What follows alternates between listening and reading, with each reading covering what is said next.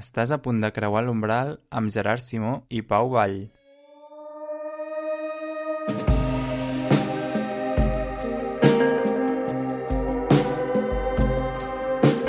Bon dia, un dia més de Umbral Podcast amb el Pau i jo, el Gerard. I és cap d'any, s'acaba aquest any 2021 i venim a fer un episodi especial per clausurar aquest primer any um, de vida del podcast, que portem més d'un any, però tècnicament any sencer als calendaris, el 2021 ha estat l'any complet d'Umbral Podcast. Si us hi fixeu, sempre diem episodi especial.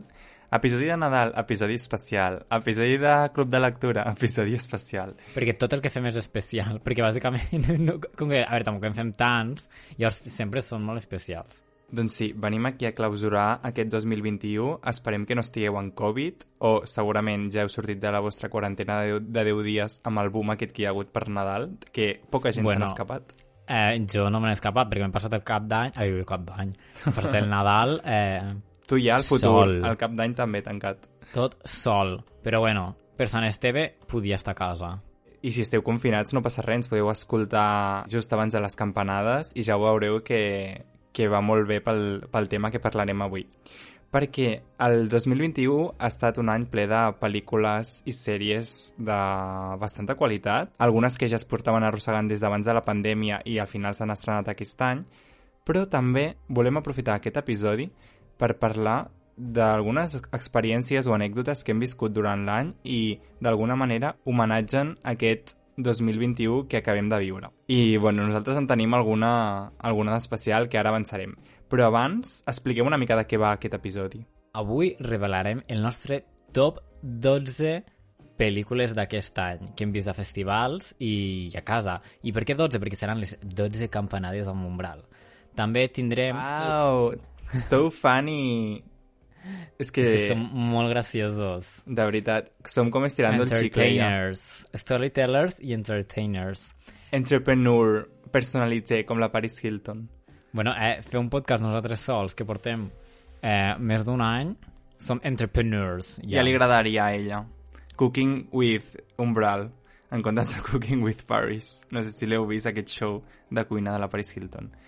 Perdó, continua. Doncs bé, és això, podreu trobar el nostre top 12 pel·lícules i també contarem amb els convidats especials que avui tornaran, que són uns quants que ens han visitat durant tot l'any a diferents episodis. Sí, com hem dit que volíem fer un episodi per homenatjar una mica aquest any i aquest any ens hem obert des del gener amb el primer episodi que va venir la Flors a parlar d'astrologia a això que gairebé cap, a cada episodi hi ha hagut algun convidat o convidada especial, doncs hem dit per què no convidar-los breument en aquest episodi final per fer homenatge a l'any i així participen també a l'últim episodi de l'any. I això hem fet. I també doncs, aprofitarem perquè ens expliquin alguna anècdota i els propòsits, que a qui no li agraden els propòsits. Exacte. Per no complir-los o per complir-los, ja sentireu també els nostres i els de l'altra gent, però és com, això és per gossip només. Els propòsits estan per fer-los i després oblidar-te'n. De fet, avui he vist un vídeo a Twitter, que no sé si l'has vist, d'una noia que llegeix els seus propòsits d'any nou de l'any 2020 i sí, són tots boníssims perquè, clar, no va preveure la pandèmia i comença reunir-se amb la família, propòsito 1, propòsito 2, ser més sociable, no sé què. O sigui que estarem fent els propòsits una mica per, pel que serveixen, no? Que és per riure tant una mica després. Bueno, a veure, jo ara mateix estic en el moment que m'ho prenc en sèrio. La segona setmana de gener ja no ho sé. Doncs comencem aquest episodi especial de cap d'any 2021-2022 explicant l'anècdota que ens ha marcat l'any a nosaltres amb el festival una mica que ens ha marcat l'any, que és... Cans 2021. Perquè hem de dir que, a part d'haver pandèmia i totes aquestes coses que hi ha, que són un rotllo, eh, hem tingut molta sort i hem pogut anar a diferents festivals i va ser molt icònic anar a Cans i explicarem una anècdota perquè és la més rocambolesca de totes, però bueno, que això, vam tenir molta sort i n'hem viscut un mes, però bueno. Si de fet si heu escoltat l'episodi de Cans, podreu començar a connectar fils i o això ja és com, com episodis epistolars al final que es comuniquen entre ells. És que aquesta història no la vam explicar perquè va ser seriós al moment. O sigui, crec que no vam dir res i o potser vam comentar, però és que mm, literal, és perquè aquesta història va acabar com fa dues setmanes. O sigui, ara, comença a explicar perquè bàsicament és Senyores Pau. i senyors, l'he estem parlant aquí de temes seriosos, de temes mèdics que afecten a la salut i que jo només puc dir que hi ha una culpable de tot aquest merder i es diu Júlia Ducornó. Si la Júlia Ducornó no hagués estrenat Titan, les coses haurien anat molt diferent.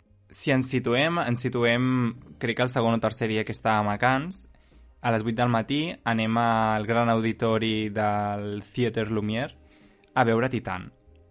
Si heu vist Titan, i si no l'heu vist, eh, l'heu de veure, és una pel·lícula que provoca un impacte i una reacció física eh, com immediata a molta gent perquè és molt explícita i té algunes escenes mm, difícils de veure. Bueno, D'autolesió, gore i d'aquest tipus de- d'escenes, que si l'heu vist doncs sabeu perfectament el que estem dient.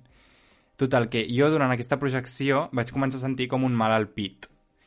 I, mm, i bueno, pues aix- aquest mal, després de la projecció, ho vaig comentar. De fet, si entreu al nostre Instagram, tenim el comentari de després de la nostra quick review després de veure Titan i, i crec que ho menciono. Aquest mal em dura dos dies i jo decideixo anar a les urgències de Cans. Em fan un electrocardiograma perquè com tocava O sigui- com el cor, eh, em miren com les vitals i tal i em diuen que estic bé. Però que si tinc algun problema me'n vagi a l'hospital. O sigui, parlem de que li han fet un electrocardiograma al Palais du Festival de Cannes, perquè ho ha dit així com molt de, de refilón, però estàvem al costat de l'entrada del Gran Teatre Lumière demanant a la, a la gent hola, eh, on estan urgències eh, del festival? Però bueno, no ens enrotllem més, però crec que és bastant icònic només aquest inici. El dia següent és el dia del meu aniversari. Com deia la Taylor Swift, I'm feeling 22, però my body wasn't feeling 22, perquè vam, va ser una, un dia que va ploure molt, vam eh, dinar, no sé què, vam veure una pel·lícula que es diu Nitram, que també va estar a Sitges. I si veieu el vídeo d'Instagram, estem xops. Sí. A la review d'Anet, que estem parlant d'Anet, i sortim xopíssims. I jo el mal del pit aquest no me'l treia de sobre i com m'havien dit el dia anterior que si em persistia anés a l'hospital, doncs jo vaig dir, pues, escolta, jo no, vull que, jo no em vull morir aquí al mig d'una projecció per aguantar, saps? Doncs me'n vaig a que hauria donat l'hospital. molt bona publicitat, eh? Sí. A les pel·lícules. Sí, Lo sí. típic de las ambulancias se han llevado a tres personas de la estrena de Titán, però no, no fue. Sobretot si m'hagués mort amb la de Gaspar Noé. En fi, vaig anar a l'hospital, vam anar amb un bus molt llarg, no sé què, i eh, a l'hospital m'atenen a urgències, estic esperant, el Gerard es va haver d'esperar fora, Perquè hi ha Covid. perquè hi ha Covid, exactament, em, em comencen a fer proves, em fan també un electrocardiograma, em, em fan una analítica de sang, i em posen com en un box d'urgències, tot bé, no sabia molt anglès aquesta gent, però bueno. Total, que arriba un moment en què m'arriba un correu electrònic, i aquest correu electrònic em diu que sóc positiu de Covid, perquè a la, en el festival ens havíem de fer doncs, proves constantment. I en aquell moment moro. O sigui, jo havia anat per un problema de que, del cor cardíac i de cop em diuen que sóc positiu de Covid. O sigui, un drama. Doncs pues vaig trucar als meus pares, eh, al Gerard, ara sóc positiu... Bueno, els explico, dic, bueno, almenys estic a l'hospital. Els explico i em diuen, vale, 99% segur que ets positiu, però et fem una PCR per verificar-ho em fan més proves, em van fer un, una ecografia de, del cor, eh, em van fer proves dels pulmons, bueno, un munt de metges. I no em van trobar res, i el, vaig estar com moltes hores, moltes hores, fins com a la una de la nit. El Gerard I estava per allà. jo al carrer esperant des de les, no sé quina hora vam entrar, mitja tarda, fins a la una de la nit, perquè a sobre, bueno, clar, estava en un Airbnb que havíem d'agafar el bus per anar-hi, una, una clau només, bueno. Clar, Bueno. I a part de que estem en un altre país, tampoc me n'aniré jo. Però bueno, segueix. I eh, de cop em diuen que el resultat de la PCR, quan ja portava ja moltes hores i jo estava mirant-me la paret del box, que és negatiu. Clar, en aquell moment jo ja no havia contemplat, no coneixia jo ningú que eh, li hagués sortit un fals positiu, perquè el que em van fer al, al càncer era una PCR. Llavors, doncs, bueno, alegria, no? Perquè de cop no tenia Covid, i, però encara tenia el mal aquest. I, bueno, tot... Però ara imagineu-vos aquesta cosa que acaba d'explicar en dos minuts, la situació d'estar com pot ser 5 hores pensant que aquest senyor és positiu, està en un altre país, eh, no tenint lloc per fer quarantena, jo buscant llocs Airbnb o a veure si es pot allargar el mateix, perquè no podem sortir del país, no podem agafar l'avió, i, més important que tot això i la seva salut, aquell dia a la nit teníem la premier mundial de Vortex, la nova pel·lícula del Gaspar Noé. El primer passe d'aquesta pel·lícula i teníem entrades. Bueno, I el van perdre, perquè aquest senyor tenia un, una pressió al pit. haig de dir Però que... bueno, no passa res. Ara fem broma. Bueno, jo feia broma al moment, però bueno, ara fem broma perquè ja ha passat temps. haig de dir que les entrades no hi vas anar perquè no vas voler, perquè jo t'ho vaig dir. Estava Home, esperant farem? a fora de l'hospital, però podies haver anat perfectament. Anar-me'n mentre Hombre, tu estàs no. positiu de Covid, amb dolor al cor, jo me'n vaig a veure la pel·lícula aquesta. Bueno, Mentre total. Potser, potser surto de la pel·li i s'ha mort, saps? O alguna així. Total, que surto de les urgències, em van dir, bueno, no tens res, perquè el cardiòleg... És que em va veure un cardiòleg. Eh, T'ha mirat, en pla... totes les proves havien sortit bé, em, em van fer dos analítiques. Bueno, moltes proves, va ser un drama. I, i res, em van dir, pues, pren-te un antiinflamatori, pren-te un ibuprofeno. I jo, pues vale, com a mínim no tinc Covid. I vam sortir d'allà super tard i ja està. I el dia següent al matí vam, vam seguir veient pel·lis, com si nada. I van veure, van veure Vortex aquell dia el, al matí. Llavors, pues va ser més light la situació, perquè vam aconseguir veure la pel·lícula. Sí. I bueno, aquesta anècdota de l'any, perdó per estar-la explicant durant tanta estona, però creiem que mereix el temps. Eh, Bueno, és que és icònica, o sigui... el dia del meu aniversari, deixat- el dia del meu aniversari està a un hospital estranger de, del Festival de Cants. A veure qui m'ho supera, eh? A veure qui m'ho supera.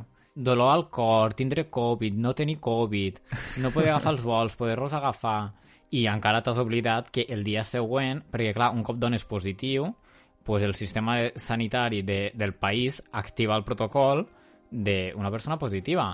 I què va passar? Que el dia següent teníem eh, la, no sé, com dir-li, l'Agència de Salut de la República Francesa, de lo que sigui, trucant al Pau, eh, que qui era, en plan, a veure que havia donat positiu, que què feia perquè no podia sortir del país. I vam haver d'explicar-li al senyor aquest eh, tota la situació rocambolesca de que estem al festival, de que era un fals positiu, que havíem anat un altre cop a un hospital, o sigui... Bueno, i ara aquell matí em vaig fer una altra PCR que va també sortir negativa i és a dir, que eh, es confirmava que era un fals positiu. Però sí, sí, un drama. I tota, la, tota aquesta història s'acaba fa unes setmanes quan m'arriba a casa meva una carta dient que haig de pagar 1.000 euros a l'Hospital de Cans pels serveis obtinguts el 16 de juliol del 2021. Total, que truquem al festival de... Ai, al festival de Cans. truquem a l'hospital i ens diuen que ho han enviat per error, que és una factura interna. I la carta deia que jo, eh, senyor Pau Vall, havia de pagar aquests diners. O sigui, imagineu-vos que aquesta anècdota dies- arriba fins al dia d'avui. Els dies... Els els dies en que vindran. pensàvem que havies de pagar 900 euros, icònic, també et dic. En fi, fins aquí la nostra anècdota. Esperem que us hagi agradat eh, o no. Espero que no es repeteixi mai més. Vull tenir un aniversari de 23 saludable i no aniré a Cans. I, I ja està. I ara volem començar a parlar una mica del nostre top. I acompanyat per aquesta anècdota de nosaltres dos, obrim aquest episodi i comencem a parlar una mica de les millors pel·lis de l'any, no? Del que hem vingut a parlar avui. Exacte. Primer de tot comentar que Cans té una presència peculiarment alta perquè ens van agradar molt les pel·lis que vam veure allà. I hi ha moltes pel·lícules que segurament moltes famoses de molts tops no han entrat al nostre, però n'hi ha altres que hi són i també hi són per raons eh, personals, de que pues, la vam veure a un festival i doncs, ens va causar més bona impressió. Llavors, eh, són totalment personals, eh, no són objectius, som crítics, però amateurs. Vull dir, no sé, cadascú al final fa el que vol. Llavors, com ho hem fet? El Pau ha fet el seu top, jo he fet el meu top, hem donat una puntuació a cada pel·lícula i així és com ha sortit el top umbral que ja comentarem per què alguna està en cada posició. Perquè alguna ha sortit sorpresa. I si voleu celebrar aquest cap d'any amb nosaltres, l'únic que heu de fer és agafar ra- 12 talls de raïm i a cada campanada, és a dir, a cada pel·lícula, menjar-vos-en un. Així que O començ- obriu el Letterbox. Obriu el Letterbox, poseu-vos a la barra de buscar i per cada títol que us feu una llista, en plan, cada campanada, una pel·lícula, la, la busqueu i us la poseu a la watchlist. I anem amb les campanades. 12. El Caballero Verde, David Lowery. 11. Benedetta, Paul Verhoeven. 10. Spencer, Pablo Larraín. 9. ¿Quién lo impide? Jonás Trueba. 8. Espíritu Sagrado, Chema García Ibarra. 7. Last Night in Soho, Edgar Wright. 6. La metamorfosis de los pájaros, Catarina Vasconcelos. 5. Titán, Julia Ducornó. 4. Petit Maman, Celine Siama. I aquí parem per no revelar el nostre top 3 encara. Perquè hem parat el temps per veure aquest any una altra vegada. Eh, no n'hem tingut prou i volem tornar a viure el 2021 perquè volem veure des de l'òptica dels convidats i convidades que ens han acompanyat. Així que si voleu eh, saber el nostre top 3, si plau, escolteu l'episodi fins al final. La primera convidada especial d'aquest episodi és la primera convidada de la història d'Umbral Podcast, la Flors Orrit. Va ser la que ens va acompanyar amb l'episodi d'astrologia, que ha estat un dels preferits d'Umbral fins ara. I a veure què ens té a dir sobre què és el que ella destaca d'aquest any 2021? Doncs pel·lícules del 2021, eh, ara estava pensant i la veritat és que no n'he mirat moltes. He estat mirant més pel·lícules antigues, clàssiques o, o d'alguns anys enrere, però una pel·lícula que m'agrada molt ha sigut The French Dispatch. No sé, m'agrada molt... Una mica la locura. I, I la pel·li que he vist més aquest any igual és Rebecca, que ja l'havia vist però l'he repetit un munt de vegades i és com que és la meva comfort movie des de fa temps. um, I què més? Ah, sí, Jennifer's Body és una pel·lícula molt dolenta, però no sé per què m'aporta um, algo, no sé el que és, que em fa, em fa desconnectar. O sigui que jo crec que les dues pel·lis que m'han marcat més aquest any han sigut Jennifer's Body, que és antiga, és del 2007 o de por ahí, no me'n recordo exactament de quan, però i no és ni tan sols una pel·lícula que sigui bona, però ahead of its time, segons jo. I després Rebecca, ja et dic. Bueno, crec que és interessant perquè ha dit una pel·lícula que nosaltres vam veure a Cans i no m'he inclòs al nostre top, ni... La veritat és que no no n'hem parlat gaire, que és eh, The French Dispatch, eh, del Wes Anderson, que és l'última pel·lícula que ha tret.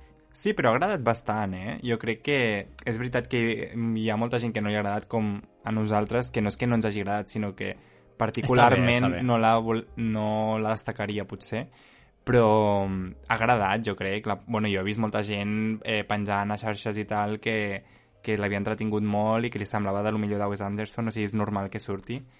I, I bueno, con una pel·li del Wes Anderson sempre és interessant veure-la perquè saps que serà diferent de, de la resta de pel·lícules que puguis trobar a la cartellera. Bueno, també m'agradaria reivindicar Jennifer's Body, que diu la Flors, que és una pel·lícula que sí que és veritat que està tornant molt, que jo no he vist, però al Twitter, i, i això és com una pel·li que s'està tornant com a reivindicar, i sí que la tenia com a no molt bona, però que de cop l'estic veient amb molta gent, i sobretot com alguns fotogrames, els estic veient a tot arreu, així que em tocarà veure-la ja aquest 2022. I anem amb l'anècdota que s'emporta la Flors d'aquest 2021. Després, anècdota de l'any, eh, no és 100% relacionada amb l'audiovisual, però sí que és veritat que durant aquest any he vist que han sortit eh, algunes pel·lícules, han sortit alguns, inclús alguns curts i algunes eh, sèries que estan molt relacionades amb el tema de la salut mental i crec que aquest any ha sigut com un any molt de, de visibilitzar els problemes de la salut mental. bueno, al final perquè venim d'una pandèmia que ens ha tallat les llibertats, que ens ha tancat a casa i tot això, però crec que ha sigut l'any com de la realització eh, de, de la salut mental. Sí, la veritat és que arrel de la, la pandèmia sí que és una cosa que s'ha posat molt en primera plana. De fet, la Marató de TV3 és un contingut audiovisual i que ha parlat de la salut mental aquesta edició. Sí, i de fet el dia després de la Marató per la Salut Mental de TV3 van començar a ploure restriccions. O sigui, realment l'estratègia va ser estel·lar. I també hem preguntat als nostres convidats eh, quins propòsits tenen per a aquest eh, proper any i la Flors ens ha enviat això. Propòsit per l'any 2022 me l'acabo d'inventar, però és veritat que sempre eh, miro moltes pel·lícules que ja he vist abans i perquè és com comfort movie, no? I m'agradaria, pues, al final, hi ha moltes pel·lícules bones que no he vist, m'agradaria fer-me una llista de totes aquestes pel·lis i mirar-me-les en comptes de repetir les pel·lícules que ja tinc com assimilades. I després, no relacionat amb el cine o amb l'audiovisual, eh, intentar ser una mica més creativa per, també pel tema de salut mental, perquè crec que va molt bé eh, alliberar coses que hi ha dins teu, no? I ara estic començant a pintar, ho faig fatal, però bueno. El propòsit és alliberar tensions i també estic eh, intentant fer ceràmica. I aquest seria un dels propòsits del 2022. Ole, clar que sí, jo també vull fer ceràmica. Em feia de petit i, i ara m'ha vingut ganes amb el comentari de la Flors. Sí, i de fet crec que el que diu és bastant interessant i que m'hi identifico perquè sí que és difícil trobar un espai al dia a dia per la creativitat moltes vegades, sobretot quan agafes una rutina eh, de la feina o les pràctiques o estudiar o el que sigui, mai, o sigui, jo personalment no prioritzo les activitats creatives com escriure un curt o, bueno, el, el podcast sí que és creatiu, però és més com una tasca que ens obliguem bastant, però és difícil trobar llocs per la creativitat al dia a dia. I, de fet, és una cosa que també podria aplicar a mi mateix. Totalment, totalment. Li robem el propòsit a la Flors i, i sí, sí, jo també, jo també me l'aplico perquè en som poc conscients de vegades. I el temps passa i no t'enteres i mira, ja ha acabat un altre any. I passem a parlar ara amb l'Eloi Vigues, que el recordareu per l'episodi de Sitges. Ell és la persona més polèmica de Twitter, és fan número 1 de tots els festivals de cine que us podeu imaginar i de totes les estrenes que surten està al dia de tot. O sigui, és increïble, Eloi, com, com pots estar tan al dia de tot sense dedicar-te al cine. Així que eh, t'estimem molt i a veure què ens dius sobre quina és la pel·lícula que t'ha agradat més aquest any.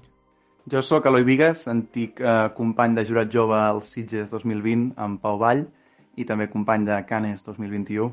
La pel·lícula de la que vull parlar jo és la japonesa Drive My Car de Ryusuke Hamaguchi, que aquest any també ha estat la meravellosa uh, The Wheel of Fortune and Fantasy i és una pel·li que quan la vaig veure a Cannes em va deixar absolutament bocabadat. És, és cinema pur. No és la meva preferida de l'any, aquestes són Promising Young Woman i Memòria. Uh, aquesta la tinc jo tercera en el top, però és realment una pel·lícula que, que recomanaria a tothom.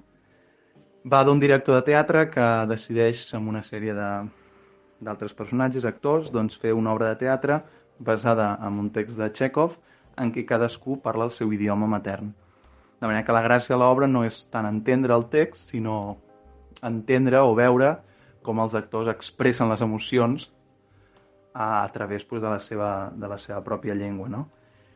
I és una pel·lícula que bueno, t'emociona, et, et fa riure, et deixa clavat a la butaca, és, és vida feta a cinema, és, és una passada absoluta i Filmin l'estrena l'11 de febrer a, en sales. Per tant, espero que tothom la vagi a veure perquè de veritat que és de les coses més èpiques que veureu l'any que ve.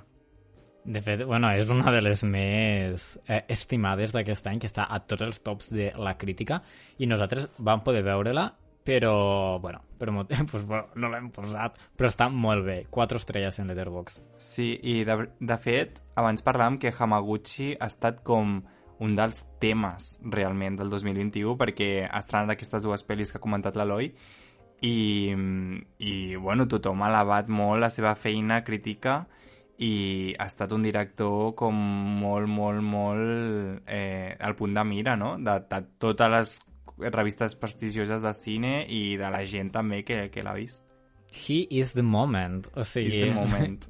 per tots els crítics van a darrere d'aquest senyor i jo em falta veure la de la ruta de la sort i la fortuna però la miraré, que aquesta és que la, la tinc pendent de fa molt temps. La ruleta de la fortuna i la fantasia. Perdoni. Jo l'he vist i està guai, em va agradar, però, però ja està, tampoc em va, em va pues si la Mariona Borrull, Sena, que dius això? perquè crec que és la seva preferida o alguna cosa, vaig veure. Passem ara a escoltar l'anècdota que ens té preparada l'Eloi. Una anècdota, a part de tot el que va passar a Canes, que va ser espectacular, anecdòtic i inolvidable, començant per uh, els testos salivaris de Covid fastigosos fins a veure la nova pel·lícula de Gaspar Noé amb la Tilda Swinton a les dues de la matinada a la sala de Bussy. Uh, L'anècdota de No Canes principal d'aquest any per mi va ser veure la meravellosa pel·lícula Maligno uh, en una sala del Balmes amb vuit persones tenint a dues files més enrere Alberto Romero. I ell i jo érem bàsicament els únics que ens estàvem rient amb la pel·lícula, no? Va ser emocionant, va ser espectacular i us recomano moltíssim veure aquesta pel·lícula perquè és una obra d'art. Maligna. Nosaltres la vam veure a, a l'Icària, a una sala de mala mort del cinema Icària, que, que fa una por. ja són durs, eh? Sí, sí. Veure pel·lis allà, però bueno. Però trobes també... Gràcies que la fan en versió original. Exacte, trobes pel·lis que no fan altres llocs. I molt guai la- l'anècdota de l'Eloi de veure la pel·li amb Alberto Romero. És realment Malign. la persona que sempre es troba famosos, eh, aquest noi. O I Malignant és bastant icònica, de dir. No és una pel·lícula que estigui al meu top, tampoc, però si us agrada el terror, o sigui, és una pel·li que ojalà l'hagués vist a Sitges. Hauria estat una fantasia, però la van estrenar allà abans, crec. I per acabar, passem amb el seu propòsit pel 2022. I un propòsit de cara a l'any que ve, doncs fàcil, tornar a l'Americana Film Festival, tornar al Festival de Cannes, tornar als festivals de Sitges i de Molins de Rei i, possiblement, a, pues, anar a algun altre festival que no he anat mai. Idealment, pues, el de Berlín o, o el de Venècia, tot i que això ja pot ser més complicat. Si esteu en festival de cine i veieu un noi alt amb una motxilla negra, amb ulleres, és l'Eloi. No ho dubteu. Nosaltres també, a veure si podem anar a algun altre festival que no haguem anat. Sí, En nuestra mente està Berlín Locarno. A veure. ojalà. A mi m'encantaria anar a Locarno i, i Berlín també, l'únic que és, està molt, molt proper i, i és... Ja, l'Ufea que no, ja, però bueno, es farà el que es podrà. Per continuar amb els convidats i convidades d'aquest episodi especial de Cap d'Any, passem a parlar amb la Maria Teresa, eh, que també va estar convidada a l'episodi de Sitges, a veure què ens té dit sobre la pel·lícula que li ha agradat més aquest any. Hola, Umbralers! Aquest any jo, la veritat és que penso que ha estat un any amb molt bona qualitat, sobretot pel que fa al, al cinema, però no per això vull deixar de mencionar la que segurament ha estat la meva sèrie preferida de l'any, que és Midnight Mass. Eh, la trobareu a Netflix i crec que cap sèrie m'ha emocionat tantíssim com, com aquesta. I a nivell de cinema, eh, vull destacar, no, potser no és la meva preferida de tot l'any, però crec que és una pel·li eh, que vaig di- gaudir moltíssim al, al passe que vaig veure i és Corten de Marc Ferrer i que estarà filmint aviat i que eh, és una pel·li que capta mm, l'essència del giallo amb un pressupost superbaix que en realitat és precisament l'essència del giallo i crec que mai mai havia vist una pel·li que ho encapsulés tan bé i a, i a sobre li donés com aquest mm, punt eh, aquest, aquest punt eh, de vista més queer eh, que al final sempre crec que ha estat un col·lectiu que ha consumit moltíssim aquest tipus de cinema i que era hora de reivindicar-lo com a propi. I ja està. Midnight Mass, um, sí, sí, punt. És una de les sèries que més recordo d'aquest any. Em va agradar molt. El Pau l'ha començat ara, que m'ha dit abans. L'he començat avui, Eh, icònic. Gràcies, Maria Teresa. És del Mike Flanagan, que és el director de, per exemple, eh, The Haunting of Hill House, que també és de Netflix, o Blind Manor, que és la segona, i bueno, ha fet més coses aquest senyor. I la veritat és que està molt interessant perquè és guai veure com noves propostes dins del gènere de terror, molt ben fetes, i és això, hem tingut una mica oblidades les sèries, perquè hem fet només pel·lícules, però és que la veritat és que aquest any per mi ha estat l'any dels realities, si hagués de dir. Perquè bàsicament he vist Drag Race, eh, Mujeres riques de Beverly Hills i poc més. La veritat, he seguit amb les meves sèries i això, però de Midnight Mass també diria que és una de les millors. I Corten, del Marc Ferrer. Aquí estàs amb dos fidels seguidors del Marc Ferrer que hem vist totes les seves Dos umbralers, perdona Maria Teresa, però t'ho robem. Dos umbralers. Eh, sí, hem vist totes les seves pel·lícules eh, i, bueno, Corten no està dins de... O sigui, no és la nostra preferida d'ell, encara que apreciem l'exercici d'agafar el gènere del giallo, de terror, una mica, perquè a mi m'agrada molt el giallo. I llavors, clar, tenia l'expectativa molt alta quan la vaig veure i bé, no va, no, no va ser revolucionari per mi, però sí que és interessant l'exercici dins del cinema espanyol, jo crec. Vosaltres sabíeu que el giallo vol dir groc en italià i que ve de que les novel·les policíaques eh, diguéssim, més d'autors menys reconeguts de tapa blanda que es venien... De sèrie B. De sèrie B. Eren, es, o sigui, es venien a Itàlia amb la, amb la coberta groga i després, com eren novel·les policíaques i s'acabaven adaptant al cinema, al final el gènere policíac i de thriller a Itàlia es va acabar dient giallo. I es veu que no, o sigui, no té per què estar relacionat amb les pel·lícules de, diguéssim, del més del gènere del que en tenim aquí per Giallo, com són les del Dario Argento, sinó més com a gènere thriller policia que en general. És una anècdota que no sabia i m'ha semblat interessant destacar.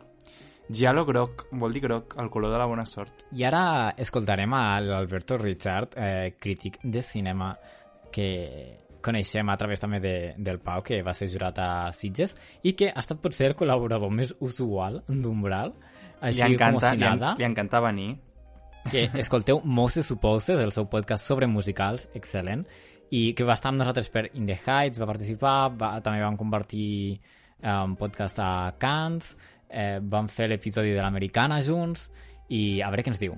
I escriu a la revista Mind, si el voleu seguir. Hola, Umbralers. Un plaer, com sempre, tornar a aquestes freqüències radiofòniques. Eh, D'entre tot el que hem vist aquest 2021, que considero que ha sigut un molt bon any, Voldria recomanar un documental que vam veure als Sitges i que després eh, es va estrenar a les sales, que és The Sparks Brothers del Edgar Wright, sobre la banda Sparks, de la que crec que vau parlar, si no m'equivoco, a l'episodi de, de Cannes. És un documental eh, molt bon rotllero, molt divertit, que narra la carrera musical d'aquest grup i com el seu propi imaginari traslladat a través de les seves lletres i les seves imatges, els seus eh, àlbums, connecta molt bé amb un llenguatge cinematogràfic, tot i que fins a net no van aconseguir fer un projecte al cinema com van fer altres bandes com els Beatles. És fresc, eh, els germans Mael tenen una carisma increïble i us, us lo recomano moltíssim jo vaig estar a Sitges veient amb l'Alberto de, eh, de Sparks Brothers, que és aquest documental de, crec que més de 3 hores o més o menys 3 hores, i la veritat és que va ser una sessió molt, molt bonica del final del festival. I tinc el pòster d'aquesta pel·lícula jo a casa, també em va agradar molt, eh, no coneixia eh, a, a aquest grup de música més enllà de, de que havien fet la banda sonora de, del musical Anet, del Leos Carax, i la veritat és que em va agradar i gràcies a Alberto per ressaltar-lo perquè és una d'aquestes joies que pot quedar fàcilment enterrada amb un any tan bo com, com aquest 2021 en el qual la ficció de vegades enterra com els documentals i està guai que, que ressalti un documental així. Si el podeu, veieu-lo, perquè, perquè ja s'ha estrenat a sales i no sé si està a alguna plataforma o a plataformes ocultes. I a veure quin és el propòsit de l'Alberto per aquest proper any. I la meva resolució 2022 és senzilla, Espero que vingui més cinema, més varietat, més festivals i sobretot més feina i per a, més feina per als joves i menys precarietat. Una abraçada. Aquí defensant els drets del de, jovent en la indústria cinematogràfica, que són zero, perquè ens paguen molt malament. No, volen pràctiques, volen contractes. bueno, en fi, no, si estem molt contents els dos als jocs de les pràctiques, eh? no ens queixarem. Uh... Volem treballar 8 hores en una oficina tancats i cobrar 1.200 no, euros. realment no, realment no. Jo estic molt content fent pràctiques, no vull... Tinc el privilegi d'estar en una situació on em puc permetre fer pràctiques i no vull fer 8 hores, vull fer el podcast i vull fer altres coses que aprofitar abans d'haver de fer aquestes 8 hores. Bueno, què faig més després, eh? Perquè si fa altres coses amb la tonteria, doncs tot el dia fent feina. Moltes gràcies Alberto i al Club de Sitges, l'Eloi i la Maria Teresa pel comentari. Passem ara a l'últim convidat ja d'aquest programa.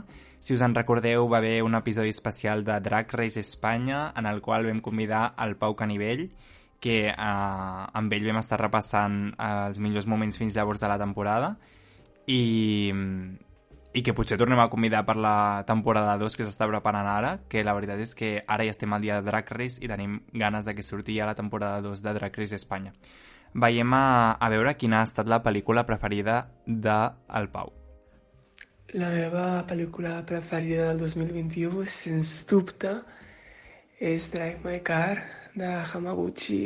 Eh, va ser una experiència increïble veure-la a Cannes. Crec que va ser... No sé si va ser amb vosaltres, però en qualsevol cas, eh, com es tracta el teatre i els personatges dins els personatges, els textos dins els textos, totes les capes que té la pel·lícula són igualment interessants, tant la més superficial com la més profunda, totes tenen molt a dir i les relacions que estan construïdes entre els personatges tan rodona, tombla.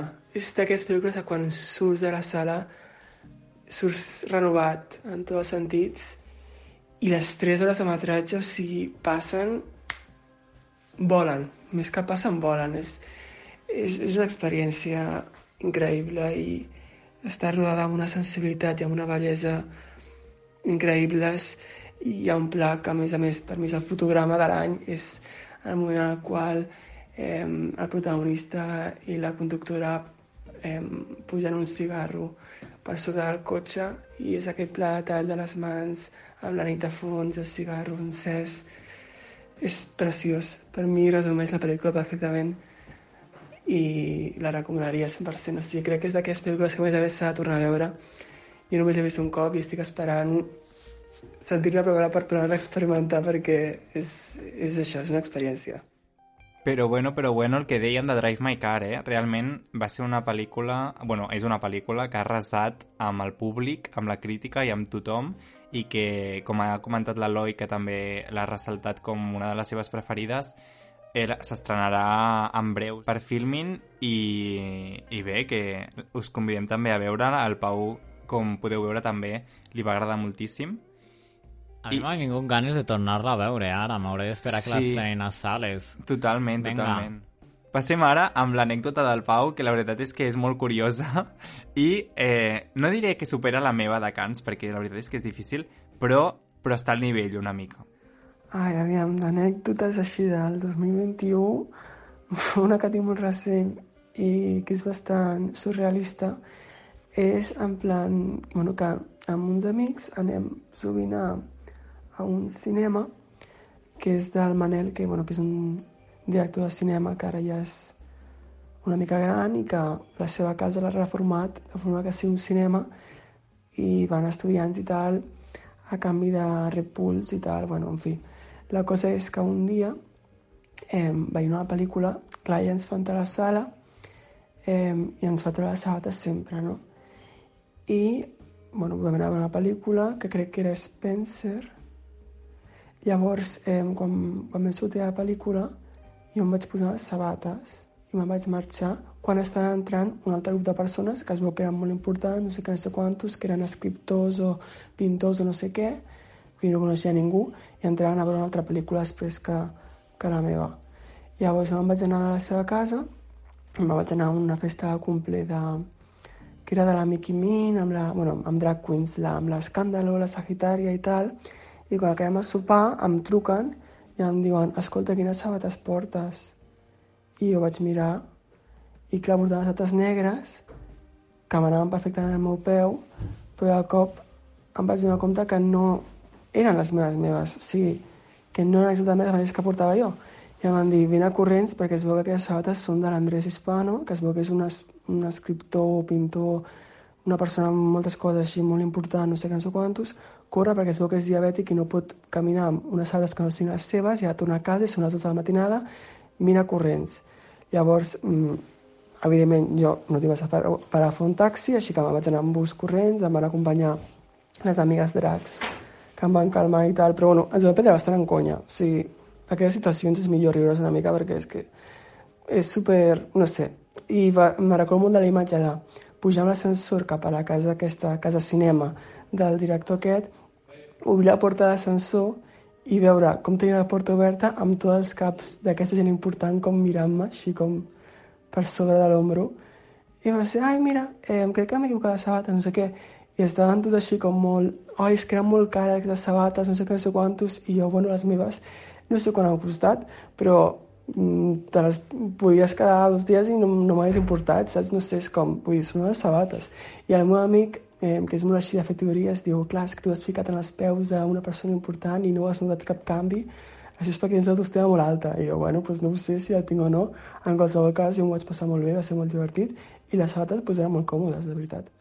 És icònic, o sigui, no hi ha altres paraules. Per un 2022 de robar sabates a personatges famosos i, haver-te's de retornar a les dues del matí. Moltes gràcies per l'anècdota. Eh, la veritat és que és l'anècdota més rocambolesca de, que han explicat cap convidat d'avui, així que enhorabona. Has guanyat el premi, que Sí, no tenim sí. previst. Miss Congeniality pel Pau. I ara passem a, al propòsit de, del 2022. Bueno, això del propòsit sí és una cosa que porto donant moltes voltes i no sé, estic pensant com coses com acabar la carrera, acabar el TFG, projectes, tot això, no? Però realment és com, vale, un significat més com cap endins. I aquests dies estic mm, assajant amb uns amics, llavors estem menjant molt bé, perquè cadascuna, doncs, una, coses com molt elaborades i molt sanes, i no estic acostumat i estic com dient, buah, és que això és una cosa que hauria de, de fer, no? Hauria de començar a dedicar-me a, prioritzar això, no? Perquè és com el temps és molt limitat i, bueno, no ho prioritzo gens i és una cosa com per cuidar-se. I avui justament ara m'acaba de tirar unes cartes, una amiga que és una mica així bruixa i té oràculos i coses d'aquestes, i just vaig surt la carta de, pues això, de canvi de dieta, posava la carta. I pues, suposo que aquest és com el meu objectiu més de cuidar-me, no? I la resta d'objectius pues, són més tipus això, acabar metes, tancar projectes i coses aquestes. Però bueno, que el més important jo crec que és aquest, no? Que sobretot aquests projectes eh, el cos és el que ho rep tot, així que s'ha de cuidar el cos i jo crec que això és una cosa que hem de fer tots i totes i jo sóc el que sóc menys conscient i el que hauria de dir-ho menys, però bueno, a mica en mica vaig donant compte. És super relatable, perquè jo eh, igual. Cuidar-se ha sortit, salut mental ha sortit, menjar bé, en fi, eh, volem un futur eh, menys precarietat, volem un futur més eh, saludable en tots els sentits, no? I crec que és un bon moment per revelar quins són els nostres propòsits abans de dir el nostre top 3 de pel·lícules de l'any. Doncs sí, la veritat és que sí. Per la meva part, crec que està molt relacionat amb el, amb el que diu el Pau, Canivell, i és molt genèric, però fer una mica d'esport. Eh, menjar millor i cuidar-me. Mm, és molt avorrit, ho sé, volia donar com algo... Uau, volia que original, Volia Gerard. generar entreteniment, saps? Però és que realment em m'aniria bé sortir de la meva habitació i moure'm una mica, perquè és que pujo les escales i estic cansat. O sigui, no puc córrer 3 metres sense uh, ofegar-me. Mm, demà vaig esquiar, eh, després de 4 anys, eh, no podré aguantar, o sigui, per pujar-te al cadira em cansaré. Et trobaran I- allà estirat veritat, a la eh? pista verda. O sigui, que és que no puc, no puc, eh, i crec que m'he de posar, o sigui, he de dir prou, i he de prioritzar com fer alguna activitat física, a part de veure pel·lícules. I jo està una mica relacionat amb el que comentava la Flors de deixar una mica de temps per la teva creativitat i, i deixar de ser productiu. I jo sóc una persona que, com ens passa a molts joves, volem gastar o invertir el temps en coses que ens semblen ser productives, no? Eh, tenim una llista amb coses que volem tatxar i les volem anar fent una rere l'altra per sentir-nos bé. Doncs això crec que està bé i que és útil saber-ho fer en moltes ocasions, però crec que també està bé el que comentava una mica la Flors de deixar-te una mica d'espai per pensar què et ve de gust fer, eh, pensar si et ve, et ve de gust escriure, perquè, per exemple, a mi em faria molta il·lusió fer un curt d'algú que, que em surti de dins, i, i crec que de vegades no et dones aquests espais, malgrat tenir-los, i donar-te aquests espais per altres motius. Llavors, el meu propòsit d'any nou és deixar d'una banda eh, ser només productiu en el sentit més estricte de la paraula i buscar altres formes de ser productiu per mi mateix. Molt bé. Ole. Sí, de fet, també un altre propòsit és continuar amb la pel·lícula que estem fent, Vigília. L'Ani no fa Vigília. que en breus farem un altre episodi actualitzant una mica en quin estat es troba de desenvolupament la pel·lícula, que podeu recuperar els altres dos que vam fer amb tot l'equip. I ara sí, per acabar, eh, us volem deixar una mica aquests últims instants abans d'entrar al 2022, aquestes últimes tres campanades que queden, amb les tres pel·lícules que per nosaltres són les millors de l'any.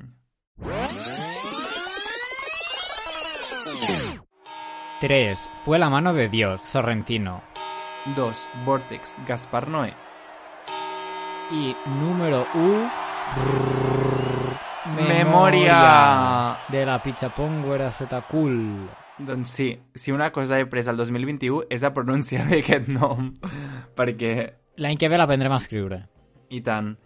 Eh, és una pel·lícula que mm, he sentit que té una estratègia de distribució ben peculiar, que es podia veure com a un lloc, a una sala, projectant-se només un, en una vegada, diguéssim, en tot el món. És a dir, que si l'estàs veient, per exemple, al Renoir de Barcelona, només s'està projectant en aquell moment allà. No sé si han seguit fent-ho així o no, però aquesta era una idea que en el seu moment vaig llegir. I aquesta pel·li, que a més va estrenar a Cannes, Va Eh, estar a la Primera Mundial. El primer cop que sí. sí. a la peli estàvem allà, umbral, a la primera línia. Aquesta pel·li, eh, amb la Tilda Swinton de protagonista, amb la Tilda Swinton en busca d'un so misteriós per Colòmbia, realment és una pel·li que podria veure i veure, crec, vaja, moltes vegades i trobar-li coses noves interessants. Jo estic desitjant que l'estrena a cinemes, crec que la distribueix el DA Film Festival. És com una cosa així que no acaba d'entendre, però al Twitter veig això. Llavors esperem que la portin un altre cop. És, um... O sigui, crec que compartim una cosa, tant el Pau com jo, que és que ens agraden molt les experiències, les experiències al cinema. I tant Memòria com Vortex són una experiència, no sé com dir-ho. És cinema molt lent, és cinema eh, que desafia una mica o aporta coses dins de, de el llenguatge cinematogràfic, no sé com dir-ho. Um, I crec que a, a, a tots dos ens interessa no? doncs aquestes coses que, de fet, Memòria no era el, la posició número 1 de cap dels dos, però a l'hora de sumar els punts, els dos tenien memòria en un lloc molt alt i acabat sent la primera. Doncs sí, i la tercera, si les dues primeres juguen amb el llenguatge cinematogràfic, la tercera també acaba de parlant de cinema perquè parla de la vida del Paulo Sorrentino, que segurament alguns dels que ens esteu escoltant potser l'heu vist perquè es estrenar a Netflix, Fue la mano de Dios, i també és una pel·lícula com més emocional, eh, diria, no? perquè és autobiogràfica i molt, doncs això, molt que toca la fibra. Sí, és que per mi el eh, Sorrentino té com un cinema que és com el que deia el Pau Canivell amb Hamaguchi. Sigui, jo veig una pel·lícula del Sorrentino i és... O sigui, acaba i em sento com complet. És un cinema com total. Et pots morir. No sé com dir, Et pots és morir. satisfactori. Sí, sí, sí. És, um, I a més vaig tindre l'oportunitat de veure-la a Venècia, així ho deixo caure per fardar una mica més. I Ah, l'has va anat a Venècia aquest any? No ho sabia. No ho Sí, sabia. no sé si ho havia comentat. Vaig anar a Ah, Venècia, vale. no sé si ho he dit uns quants cops. No, crec que no ho sí, sabia. vaig estar a Venècia. Vale, Sí. vale, vale. Pues això, eh, i crec que va afegir com molta emoció veure-la allà, però la vull veure, la tinc pendent, la vull tornar a veure perquè em va agradar bastant.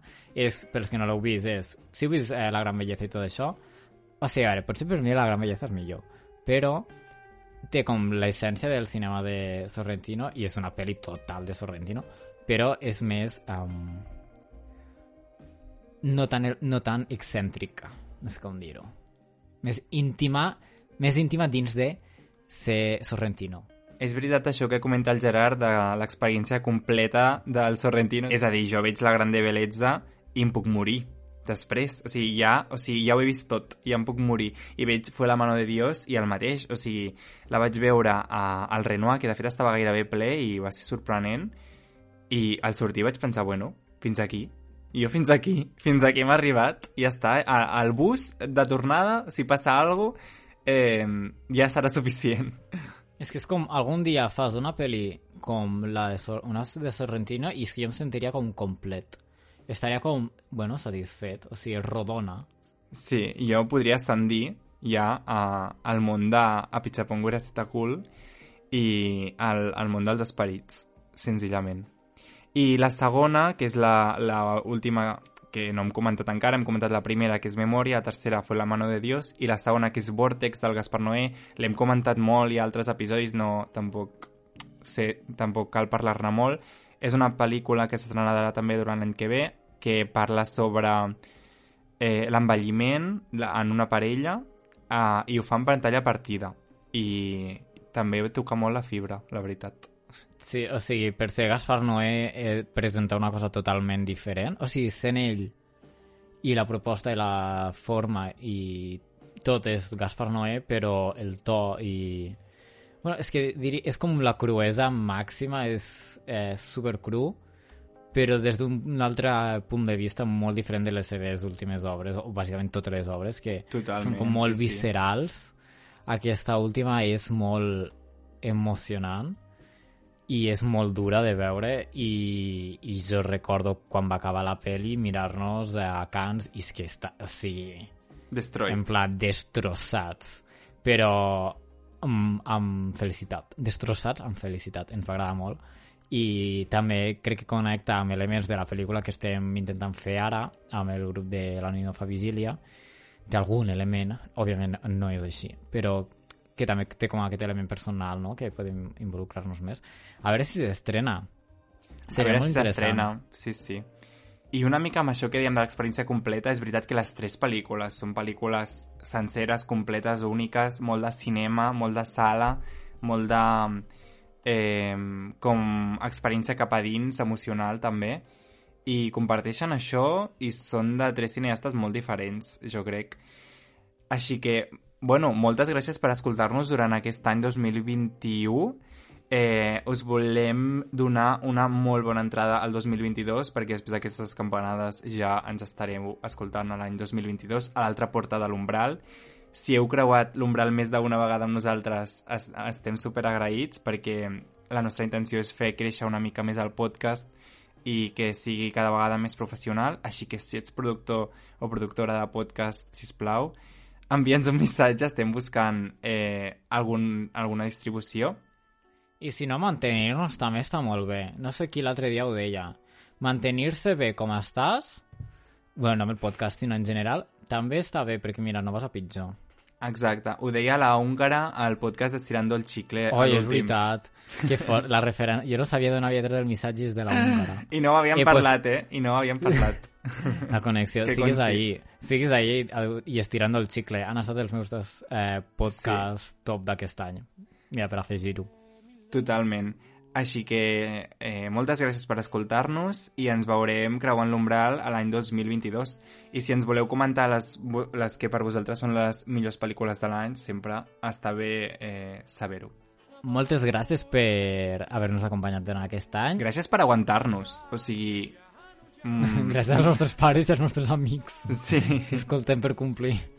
I us deixem amb la cançó per tancar aquest any, que és Napoleé, no sé com es pronuncia, de Pino Daniel, que és la cançó que sona a Fue la mano de Dios de Sorrentino.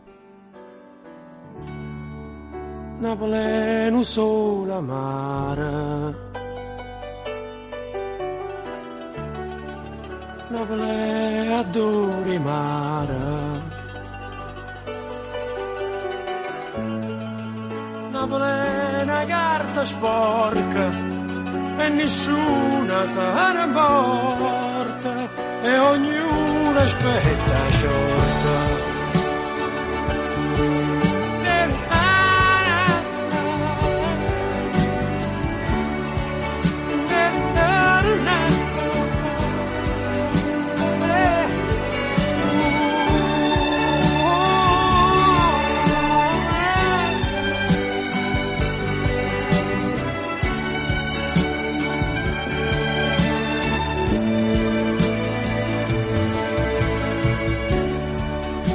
Dublin camminata Prendevi che mi è salata Napoli tutta non so E a sabato tutto mondo Ma non sai